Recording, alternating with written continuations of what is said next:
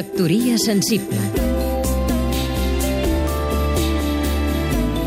Miquel de Palol, poeta i escriptor L'italià Giovanni Battista Pergolesi és autor d'un deliciós intermezzo operístic titulat La serva padrona. En català en diríem La criada mestressa. Musicalment molt afortunada i objecte de la curiositat històrica de ser rigorosament contemporània de les grans cantates profanes de Bach que ens han arribat.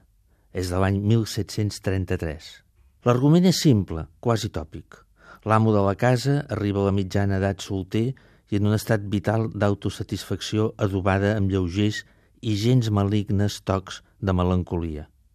I la minyona, joveneta i espavilada, ordeix un d'aquells sistemes de paranys sentimentals que tant agradaven en el segle XVIII, disfresses incloses, per atrapar-lo, cosa que aconsegueix amb èxit i final feliç per tots.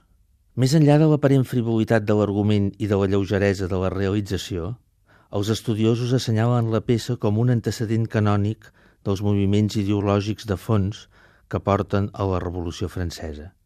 La criada convertida en mestressa.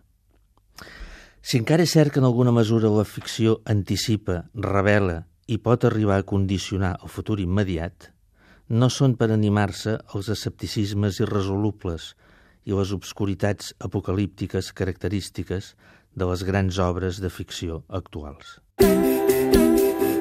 Factoria sensible Seguim-nos també a catradio.cat